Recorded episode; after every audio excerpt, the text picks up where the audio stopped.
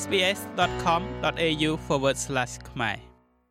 ប៉ូលីសសហព័ន្ធអូស្ត្រាលីបានបង្អាក់នៅអ្វីដែលខ្លួននិយាយថាគឺជាក្រុមលាងលុយកខ្វក់ដ៏ធំបំផុតមួយមិនធ្លាប់មានពីមុនមក ដែលប្រតិបត្តិការនៅក្នុងប្រទេសនេះប៉ូលីសនិយាយថាក្រុមនេះមានមូលដ្ឋាននៅទីក្រុងស៊ីដនីប៉ុន្តែមានទំនាក់ទំនងជិតស្និទ្ធជាមួយនឹងប្រទេសចិនហើយបានលាងលុយកខ្វក់ក្នុងទំហំមាត្រដ្ឋានឧស្សាហកម្មដើម្បីលាក់ប្រាក់ចំណេញពីសកម្មភាពអ ுக ្រិត ទ្រព្យសម្បត្តិដែលមានតម្លៃខ្ពស់ព្រមទាំងទំនិញប្រណិតប្រណិតនិងម៉ាកយីហោល្បីល្បីទាំងនេះគឺជាចំណាត់ការនៃអ្វីដែលប៉ូលីសហៅថាជាប្រតិបត្តិការលាងលុយដ៏សំខាន់បំផុតដែលមិនធ្លាប់មាននៅក្នុងប្រទេសអូស្ត្រាលីស្នងការរងប៉ូលីសសហព័ន្ធអូស្ត្រាលីលោកស្រី Kirsty Schofield មានប្រសាសន៍ថាទ្រព្យសម្បត្តិដែលរឹបអូសបាន មានតម្លៃសរុបជាង150លានដុល្លារ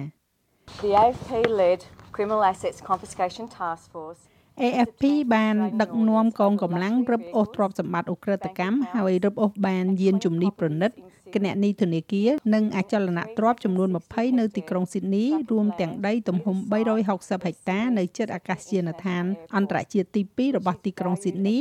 ដែលមានតម្លៃ47លានដុល្លារក៏មានផ្ទះពីរខ្នងនៅជីក្រុងភៀកខាងកើតទីក្រុងស៊ីដនីដែលមានតម្លៃរួមបញ្ចូលគ្នា19លានដុល្លារ 29លានដុល្លារជារូបិយប័ណ្ណគ្រីបតូក៏ដូចជាអគារពាណិជ្ជកម្មជាច្រើនទៀតនៅក្នុងតំបន់ CBD និងតំបន់ជុំវិញនោះ AFP បានរឹបអូសនាឡិកាម៉ាកល្បី18គ្រឿងកាបូបម៉ាកល្បី17និងគ្រឿងអលង្ការយ៉ាងហោចណាស់46ឈុតដែលមានតម្លៃសរុបរាប់លានដុល្លារ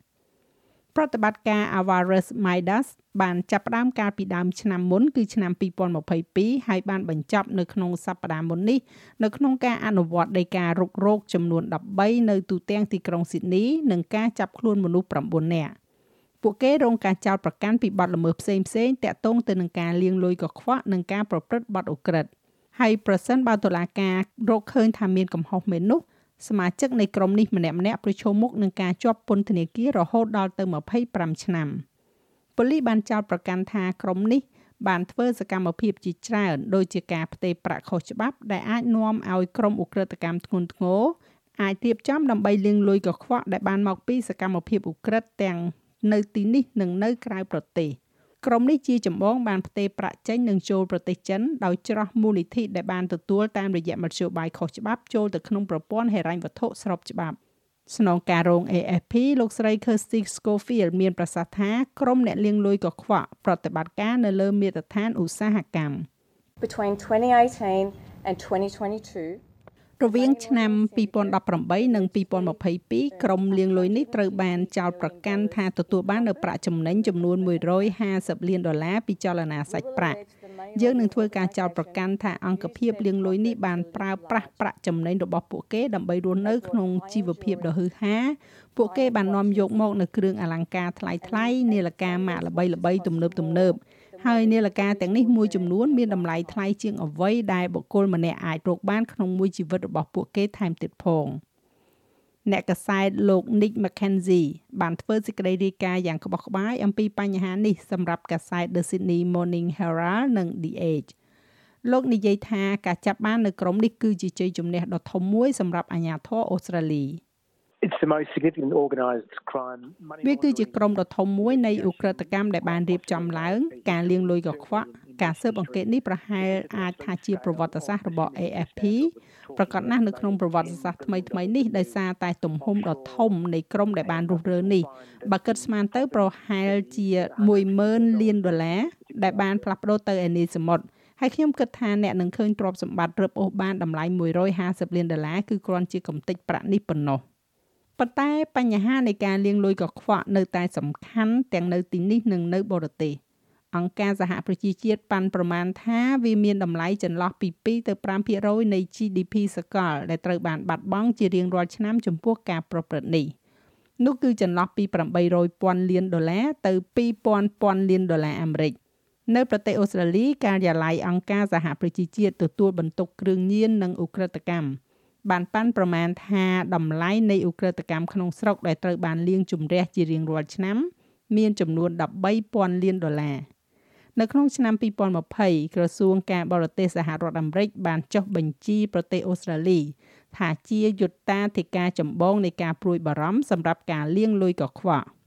លោក Nick Mackenzie មានប្រសាសន៍ថាប្រទេសអូស្ត្រាលីត្រូវបានគេមើលឃើញថាជាកន្លែងដ៏តាក់ទាញសម្រាប់អ ுக ្រិតជនដែលបានរៀបចំដើម្បីលាងប្រាក់កខ្វក់របស់ពួកគេ ជាពិសេសពីប្រទេសចិន អូស្ត្រាលីមានបញ្ហាពិតប្រាកដមួយពីព្រោះយើងត្រូវបានគេមើលឃើញថាជាគោលដៅវិនិយោគដ៏អស្ចារ្យដូច្នេះយើងត្រូវបានកំណត់គោលដៅដោយឧក្រិដ្ឋកម្មដែលរៀបចំឡើងរបស់ជនជាតិចិនដោយអ្នកផ្សេងដែលមានបំណងចង់វេលលុយខុសច្បាប់របស់ពួកគេ ពីប្រទេសរបស់ពួកគេនិងទៅកាន់កន្លែងដូចជាប្រទេសអូស្ត្រាលីដែលជាកន្លែងត្រូវបានគេមើលឃើញថាជាកន្លែងដ៏ល្អមួយនៅក្នុងការវិនិយោគលើអចលនទ្រព្យ ប៉ូលីសកំពុងធ្វើការងារបានយ៉ាងល្អប៉ុន្តែ AFP នៅចុងបញ្ចប់នៅថ្ងៃនេះគឺជាអង្គភាពដ៏តូចមួយបើប្រៀបធៀបទៅនឹងទំហំនៃបញ្ហានេះយើងកំពុងនិយាយអំពីលុយកខ្វក់រាប់ម៉ឺនរាប់សែនលានដុល្លារដែលកំពុងតែហូរវាគឺជាលទ្ធផលដ៏អស្ចារ្យតាក់ទងទៅនឹងអ្នកត្រួតពិនិត្យប្រតិបត្តិការនេះដោយប៉ូលីសសហព័ន្ធប៉ុន្តែនៅមានក្រុមលាងលុយកខ្វក់ផ្សេងទៀតដូច្នេះប្រតិបត្តិការដោយដែលយើងនិយាយនេះត្រូវតែមានច្រើនទៀតដើម្បីដោះស្រាយបញ្ហាទាំងនោះ។ លោកនិយាយទៀតថាករណីចុងក្រោយនេះបង្ហាញអំពីចន្លោះប្រហោងផ្សេងៗនៅក្នុងប្រព័ន្ធបទបញ្ញត្តិនិងច្បាប់របស់ប្រទេសអូស្ត្រាលីដែលត្រូវបានកេងប្រវ័ញ្ចដោយក្រុមឧក្រិដ្ឋកម្មដែលបានរៀបចំ For many many years now experts have been calling for អស់រយៈពេលជាច្រើនឆ្នាំមកនេះអ្នកជំនាញបានកំពុងអំពាវនាវឲ្យរដ្ឋាភិបាលសហព័ន្ធជាបន្តបន្ទាប់ដាក់ចេញនៅច្បាប់ដើម្បីបង្ខំឲ្យភ្នាក់ងារអចលនទ្រព្យគណនេយ្យករមេធាវីឲ្យប្រឈមមុខទៅនឹងកាតព្វកិច្ចដូចគ្នាទៅនឹងធនាគាររឹកនិងកាស៊ីណូដើម្បីរាយការណ៍អំពីការលាងលុយកខ្វក់ដែលសង្ស័យថានឹងមានការពាក់ព័ន្ធ នៅក្នុងករណីនេះអ្នកដែលជាប់ពាក់ព័ន្ធនៅក្នុងក្រុមនេះដែលពាក់ព័ន្ធនៅទីនេះរួមមានមេធាវីនិងគណនេយ្យករបុគ្គលលក់អចលនទ្រព្យដើម្បីឲ្យជូនដំណឹងដល់អាជ្ញាធរអំពីការផ្ទេរប្រាក់ដែលសង្ស័យដែលពិតណាស់ត្រូវប្រឈមមុខទៅនឹងការពិន័យយ៉ាងធ្ងន់ធ្ងរបណ្ឌិត Jamie Furriel មកពីសាកលវិទ្យាល័យ Charles Sturt University មានប្រសាសន៍ថាផលវិបាកសង្គមនិងសេដ្ឋកិច្ចនៃការមិនដោះស្រាយបញ្ហានេះ គឺវាធំធេងណាស់ដែលមិនអាចថាមិនអើពើបាននោះទេ If this money laundering is left unaddressed ប្រសិនបើការលាងលុយកខ្វក់នេះមិនត្រូវបានដោះស្រាយនោះផលវិបាករបស់វាធ្វើឲ្យខូចខាតយ៉ាងសម្បើមជាទីបំផុតសម្រាប់យើងទាំងអស់គ្នាហើយក្រៅពីការផ្ដល់មធ្យោបាយសម្រាប់ឧក្រិដ្ឋជនដើម្បីរីករាយទៅនឹងប្រាក់ចំណូលនៃឧក្រិដ្ឋកម្មរបស់ពួកគេនិងការផ្ដល់នូវការលើកទឹកចិត្តឲ្យប្រព្រឹត្តបទឧក្រិដ្ឋវាអាចបំផ្លាញជីវិតរបស់មនុស្សសាមញ្ញ និងសុចរិតភាពនៃអាជីវកម្មនិងលទ្ធភាពនៃសេដ្ឋកិច្ចហើយទីបំផុតរដ្ឋាភិបាលនិងនីតិរដ្ឋស្នងការរង AFP លោកស្រី Kirsty Schofield មានប្រសាសន៍ថាការស៊ើបអង្កេតកំពុងតែបន្តជាមួយនឹងការរឹបអូសទ្រព្យសម្បត្តិនិងការចាប់ខ្លួនកាន់តែច្រើនអាចធ្វើទៅបាន Today I'm sending a warning to organised crime groups ថ្ងៃនេះខ្ញុំសូមជូនការព្រមានដល់ក្រុមអ ுக ្រិតជនដែលជាប់ពាក់ព័ន្ធនៅក្នុងសកម្មភាពលាងលុយកខ្វក់គឺថាអ្នកស្ថិតនៅលើរ៉ាដារបស់យើងខ្ញុំក៏សូមណែនាំដល់បុគ្គលធម្មតាដែលមានប្រាក់នៅឯបរទេសឲ្យប្រើប្រាស់តែសេវាកម្មរបស់ក្រុមហ៊ុនផ្ទេរប្រាក់ដែលបានចុះបញ្ជីនិងស្របច្បាប់នៅក្នុងការវេប្រាក់របស់ពួកគេ ការដែលមិនធ្វើដូច្នេះអាចនាំឲ្យមានការចោទប្រកាន់ធ្ងន់ធ្ងរ